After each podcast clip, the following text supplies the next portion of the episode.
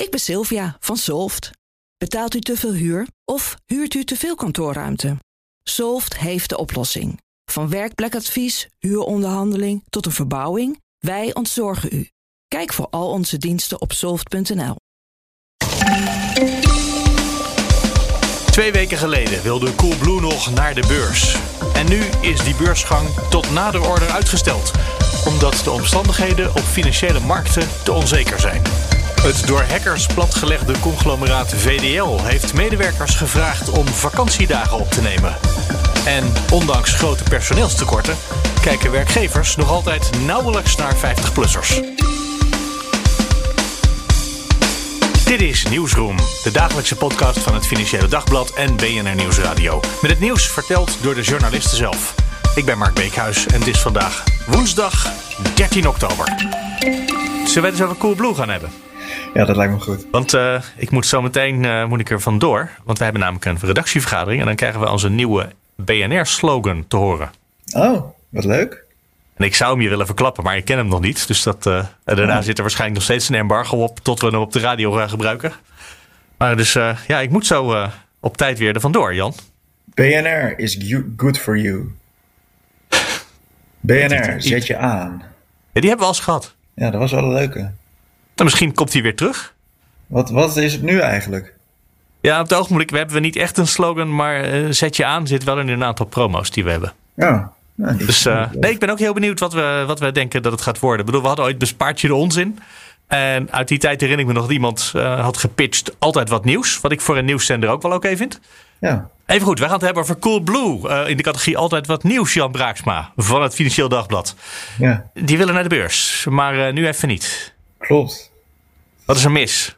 Twee weken geleden kondigden ze nog uh, aan met uh, video's en persberichten dat ze naar de beurs wilden. En uh, nu is de stemming op de beurs omgeslagen, zeggen ze. Ja? En, Onzekerheid op de financiële markten hoor ik. Ja, dat klopt. Ik... En ik, als je heel flauw bent, zeg je ja, financiële markten zijn altijd onzeker. ja. Maar in dit geval uh, uh, gaat het vooral om de, de, onzekerheid die beleggers hebben over uh, retailbedrijven. En dan vooral de e-commerce bedrijven zoals Coolblue en een aantal andere concurrenten. En um, ja, als beleggertjes daar onzeker over worden, dan willen ze minder betalen voor de aandelen. En ja, daar zijn de verkopers ja. het blijkbaar niet mee eens. Nou, daar valt ook wel iets voor te zeggen. Als je naar de beurs gaat om geld te halen, en je haalt niet zoveel geld op, dan kan je misschien ook beter niet naar de beurs gaan. Dan kan je het bedrijf ook zelf houden. Ja, precies. Dat, dat bedoel, ze hebben geen haast, kennelijk. Dat is inderdaad het, het teken.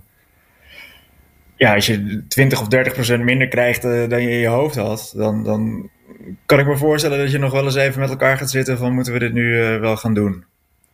Maar waar komt die onzekerheid vandaan? Want het ging toch hartstikke goed in de afgelopen coronatijd. Met uh, dat iedereen thuiswerken ineens uh, extra monitors nodig had. En uh, nou ja, je, ik hoorde dat iedereen de ene gadget na het andere bestelde en liet bezorgen. En dat de pakketbezorgers het nauwelijks aankonden. Dus wat is er, wat is er mis?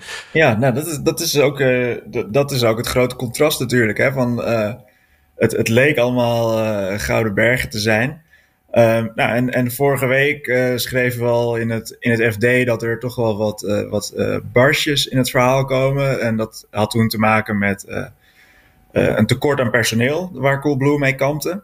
Dus er zijn -huh. te weinig bezorgers om al die wasmachines en laptops en beeldschermen te bezorgen. En ook te weinig mensen in het distributiecentrum om al die pakketjes in de goede vrachtwagen te zetten en bij elkaar te zoeken. En daardoor was de winst in het derde kwartaal uh, uh, flink gedaald. Dat is natuurlijk al niet een heel erg lekker begin om uh, beleggers mee te overtuigen dat je een. een Steek nu al je geld in dit minder winstgevende bedrijf. Ja, dat is moeilijk. Precies. Dat, dat, je voelt al dat dat verhaal wat lastiger is dan als je een, een fantastisch derde kwartaal had. Dan heb je een makkelijker verhaal naar beleggers. En op de dag dat Coolblue zijn beursgang aankondigde kwam een uh, beursgenoteerde concurrent van ze, AO World, uh, Brits is het volgens mij, kwam met een winstwaarschuwing.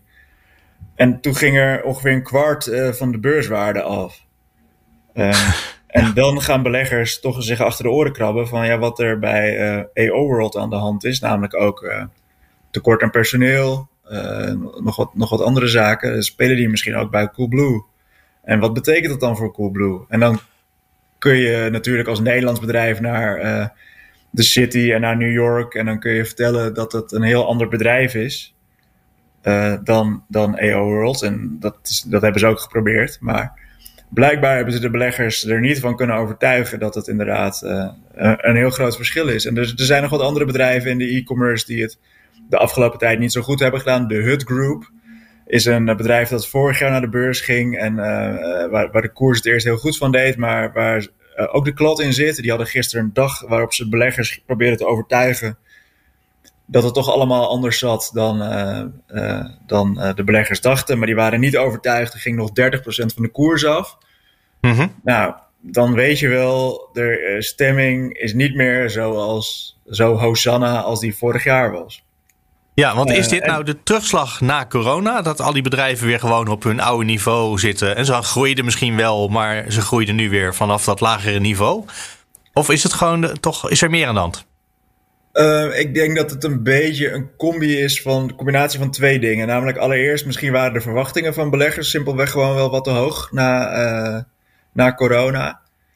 Um, ja, en, en er zijn dus wel structureel wat dingen aan de hand, namelijk een tekort aan personeel en een, een tekort aan uh, bezorgcapaciteit. En als je rond de kerstdagen een, een, pakketje wil, is de kans als consument best wel groot dat die. Uh, nou, dat je, dat je een, een beetje veiligheidsmarge moet inbouwen. Want uh, in, in de voorgaande jaren was het bij PostNL en DHL en, en al die concurrenten.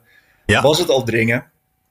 Dus nou ja, dat is natuurlijk na corona nog, nog in een soort. Ja, is dat nog, nog sterker geworden. Dus er is schaarse capaciteit. En misschien zijn de verwachtingen ook wel gewoon een beetje te hoog geweest. Dat, dat beleggers toch al wel de, de corona-lijntjes doortrokken. Um, en, en dat dat in praktijk, ja, het, is natuurlijk wel, de bedrijven zijn wel veel groter geworden en groeien natuurlijk nog steeds. Maar um, misschien hadden beleggers ook wel een beetje te hoge verwachtingen van, van dit soort bedrijven. Dus is dit nou iets wat bij Coolblue misgaat of iets wat bij de beleggers, wat ik je volgens mij aan het eind hoor zeggen, eigenlijk wat het in de hoofden van de beleggers mis zat? Um, nou kijk, uiteindelijk moet Coolblue de beleggers overtuigen. En, en, he, ja, maar als die beginnen met onrealistische verwachtingen, dan, kan je, dan kom je er niet.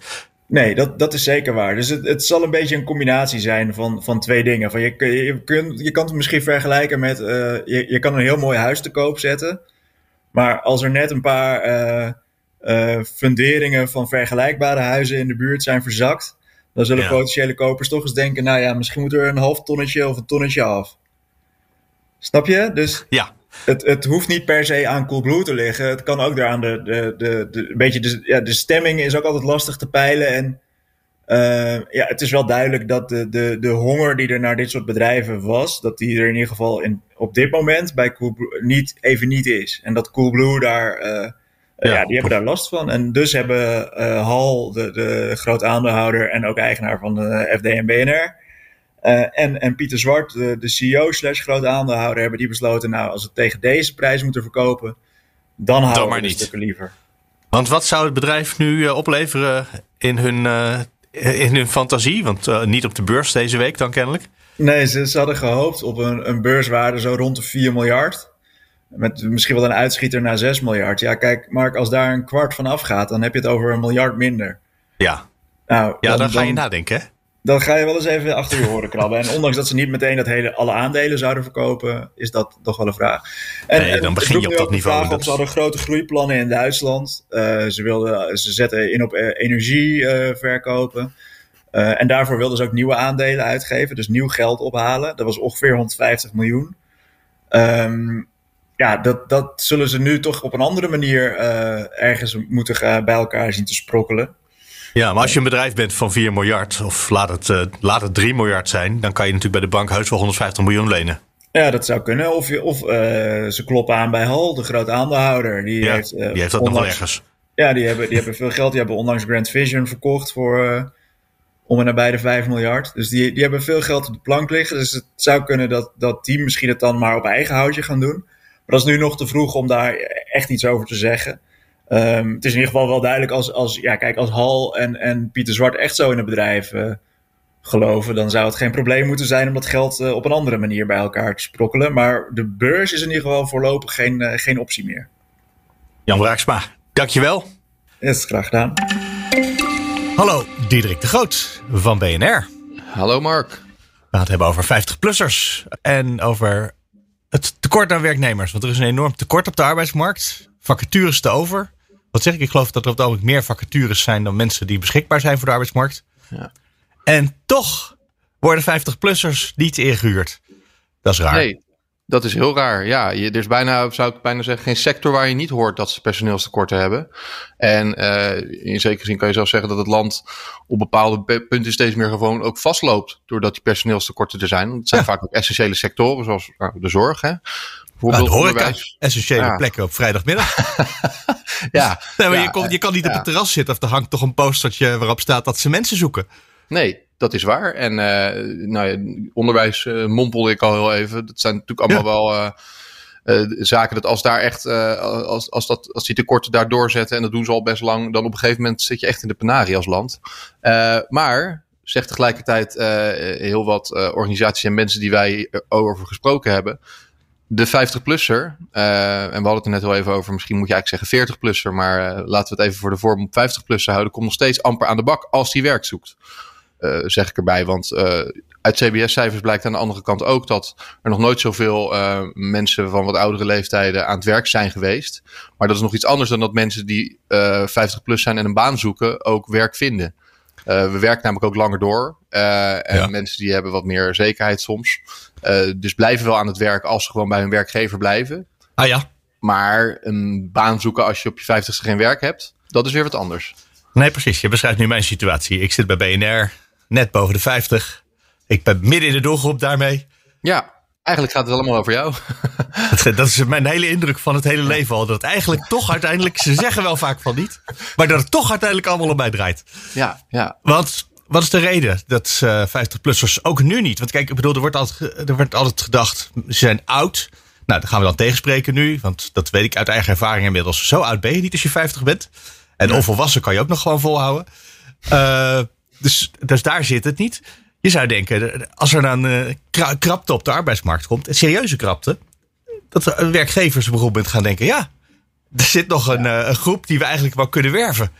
Eigenlijk was het ook exact de vraag waarmee ik hier inging. Van, je hoort nu echt, nou, wat ik al zei, bijna geen sector waar er niet een tekort is.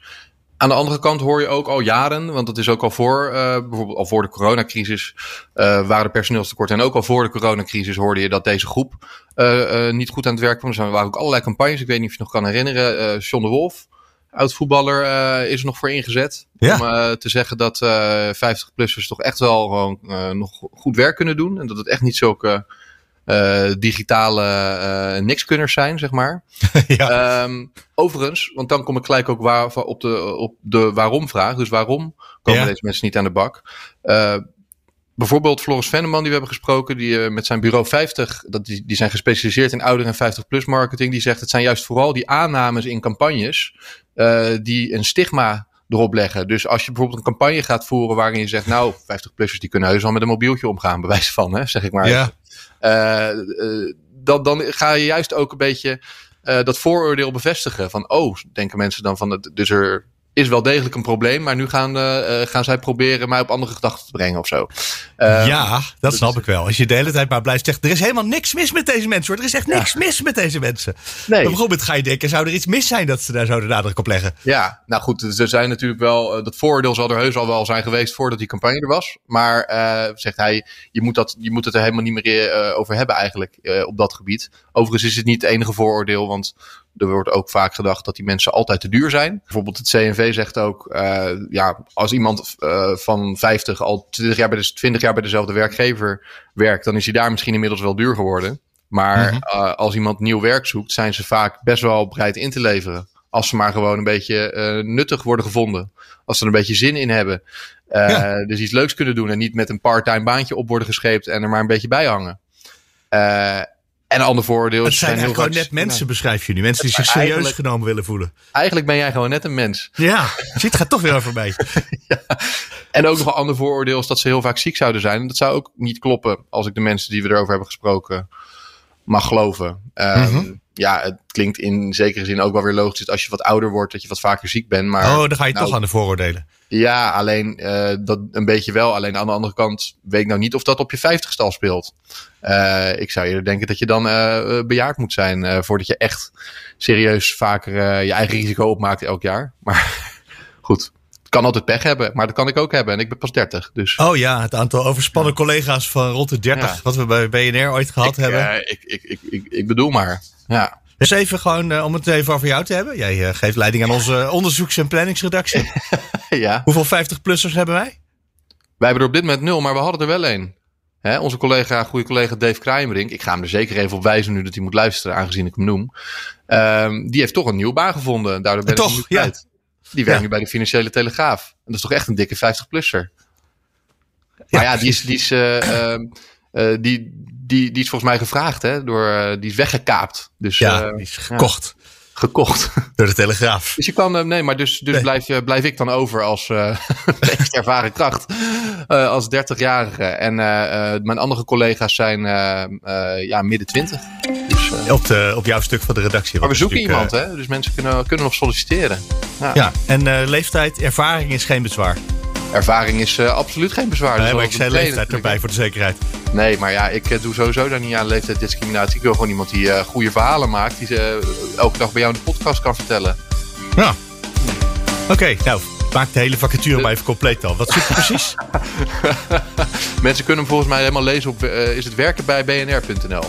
Ja, volgens mij wel. Ja, ik denk dat we deze aanbrengpremie gaan delen. Hè? Ja, dat denk ik ook wel. Diederik de Groot, dankjewel. Graag gedaan. Zullen we nu gewoon beginnen? Ja, dat is precies wat ik wilde. Daarom, en dan zeg ik... Hallo, Stijn van Gils. Oh, je zit erin te lachen, dat kan niet. Hallo, Stijn van Gils van het Financieel Dagblad. Dag Mark. We gaan het hebben over VDL. Dat bedrijf wat uh, echt ongelooflijk last heeft van hackers. Die een deel van het bedrijf uiteindelijk effectief hebben stilgelegd met een uh, cyberaanval. -hmm. In deze podcast hebben we het er helemaal nog niet over gehad. Dus misschien moeten we eerst even, voor we naar het nieuws van vandaag gaan. Voorpagina van de krant zegt... medewerkers wordt nu gevraagd vrij te nemen. Wat echt suggereert dat het probleem ook blijft. Even teruggaan naar vorige week donderdag. Toen we volgens mij voor het eerst hoorden van de problemen bij VDL. Ja, to, to, toen speelde dit voor het eerst. Um, in, in de nacht van woensdag op donderdag uh, ja, blijkt dat hackers toegang gekregen hebben tot systemen van, uh, van VDL. Uh, en um, ja, dat heeft nogal desastreuze gevolgen gehad. namelijk dat tot op de dag van gisteravond, ik weet eigenlijk niet hoe het er nu bij staat, maar de mail niet meer werkt. en ook een hoop productieprocessen het niet meer doen. dus er rolden bijvoorbeeld geen auto's meer van de band. Ja, want wat doet VDL allemaal? Inderdaad, je denkt ogenblikkelijk aan Born, aan de fabriek waar ze auto's mm -hmm. in elkaar schroeven voor BMW. Maar ze ja. hebben veel en veel meer. Hè? Waren ze ook niet het bedrijf wat al die uh, kofferrolsystemen uh, en lopende bandsystemen voor alle fabrieken in de wereld maken, zo'n beetje? En, en, en uh, koffersorteersystemen voor luchthavens en zo? Uh, ja, en een toeleverancier van, uh, van, uh, van ASML is het weer. Oh ja. het is echt een enorm conglomeraat van, ja, van allerlei bedrijven. die vaak iets met, met metaal doen. Uh, dus dat is bijvoorbeeld auto's in elkaar lassen.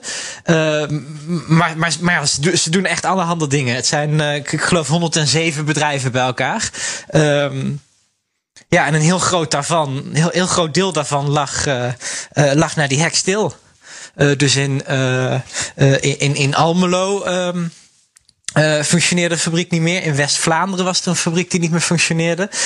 Born dus, waar, ja, waar de auto's gemaakt worden. ja, dus het was echt een, een, een heel ingrijpende aanval voor dit bedrijf. En VDL is niet het toonbeeld van transparantie. Als ik het even met gevoel voor understatement mag formuleren. Op, op, op dat vlak absoluut niet. Want uh, ja, ze, ze, vertellen eigenlijk niks. En uh, je, je moet het van, ja, van verschillende andere kranten bij elkaar rapen. Heel enkele keer zegt een woordvoerder nog, nog iets. dus wat er precies allemaal wel en niet plat ligt, dat, um, ja, daar zijn ze gewoon heel geheimzinnig over. en ze zeggen dat een deel nog functioneert. en als je dan vraagt, nou noem me één voorbeeld van wat nog functioneert, dan krijg je geen antwoord. Uh. Hmm.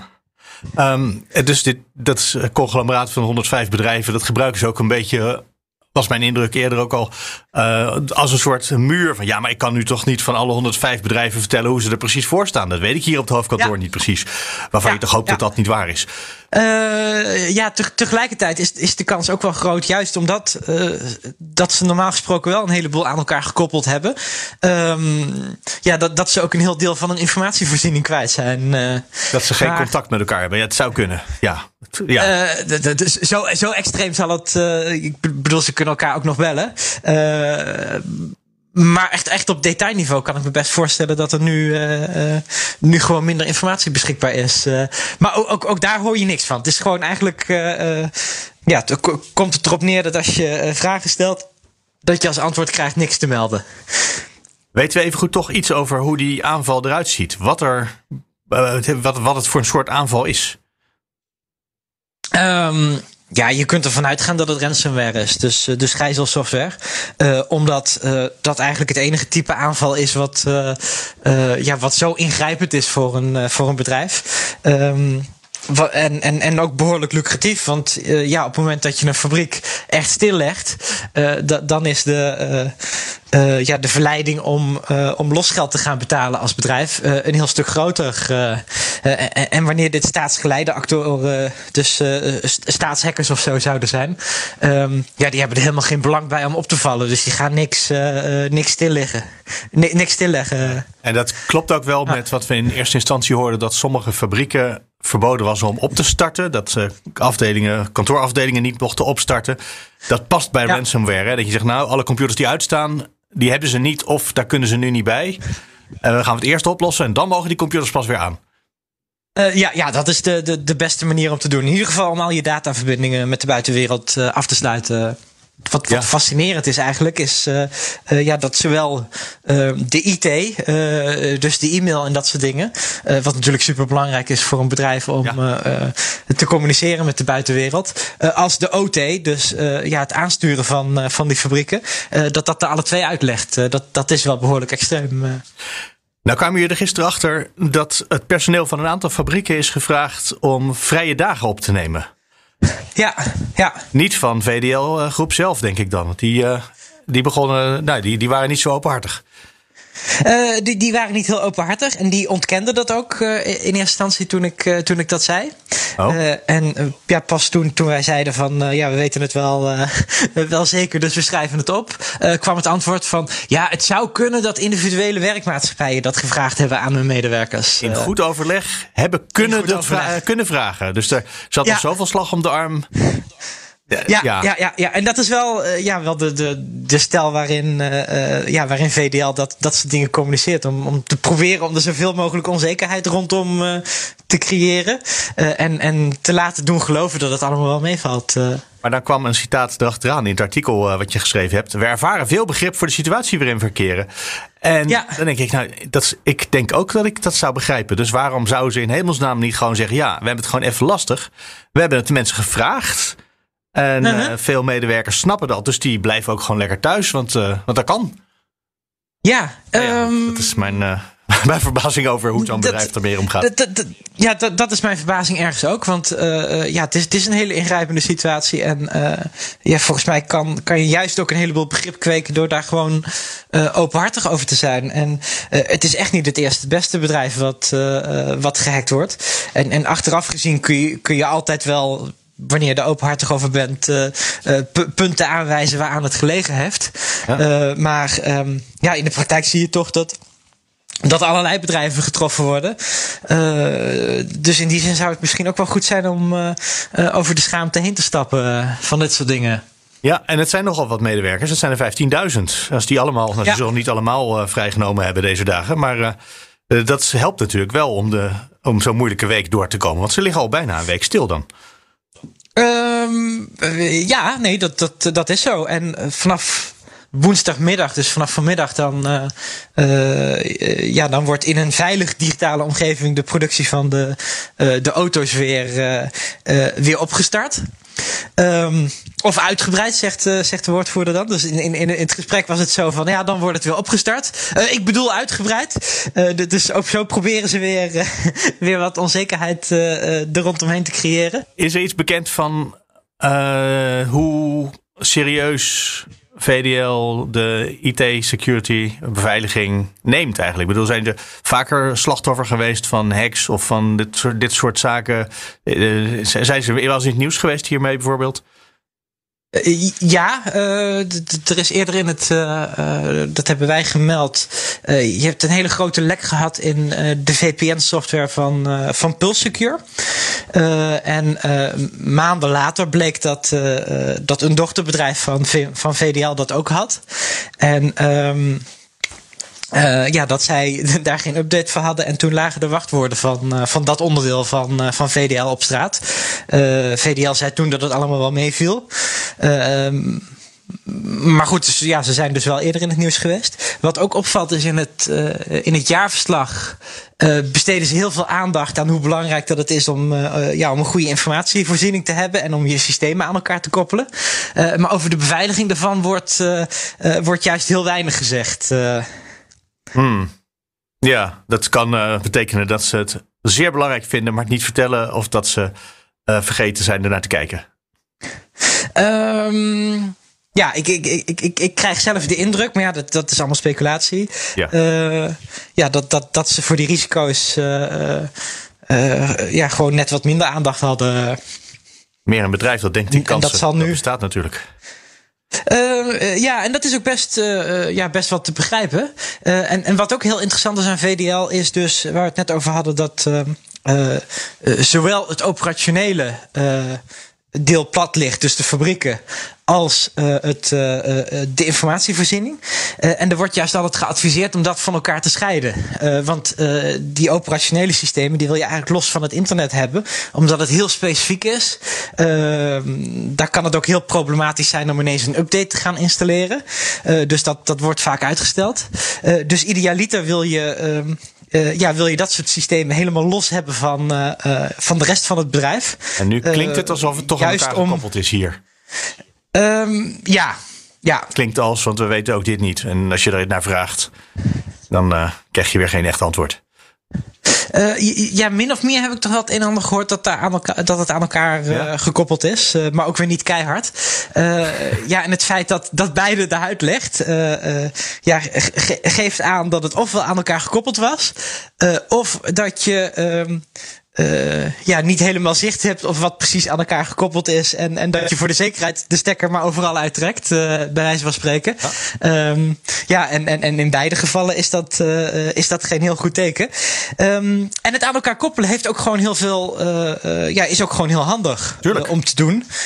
want ja, op het moment dat, dat jou gevraagd wordt om net wat nieuws te gaan, te gaan produceren, is het handig om de ontwerpen daarvan uh, ook heel snel uh, uh, ja, in je productiesystemen te hebben staan. Ja. dus dat maakt een heel stuk efficiënter. Ja.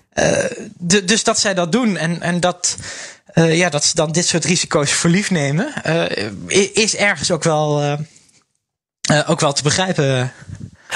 Ik probeer altijd af te sluiten met iets positiefs of iets optimistisch. En dat lukt niet altijd. Maar vandaag volgens mij wel. Want er zit wel uh, licht aan het eind van de tunnel. Vanmiddag gaan ze proberen in elk geval om de autoproductie weer op te starten. Uh, dus, ja. dus kennelijk hebben ze in ieder geval in dat deel van het bedrijf. Of in dat bedrijf van het conglomeraat. Uh, de boel onder controle, denken ze. Uh, ja, en, en daarna gaan dan de andere, uh, uh, de andere bedrijven volgen. en, en hopelijk kan dat een beetje snel, snel gebeuren. Want het is.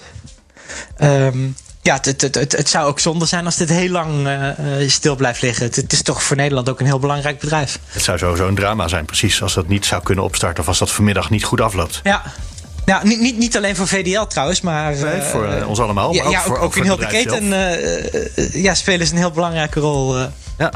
Stijn Gils, het blijft spannend totdat het allemaal weer op de rails is. Dankjewel voor nu. Ja, en daar, uh, daar ga ik ongetwijfeld ook over schrijven als het allemaal weer helemaal draait. Uh, en dan uh, ja, heeft CDL daar ongetwijfeld ook weer heel veel van geleerd. En, Misschien ja, willen ze dat dan met ons delen. er sterker van. Ja, wat ze Hopelijk, hebben. hopelijk. Ja. Dankjewel Stijn. Graag gedaan. Fijne dag. En zo komen we aan het einde van Nieuwsroom voor vandaag. Je kan altijd reageren. Mail daarvoor naar nieuwsroom.fd.nl of nieuwsroom.bnr.nl. En de show notes die staan op bnr.nl slash nieuwsroom. Tot morgen.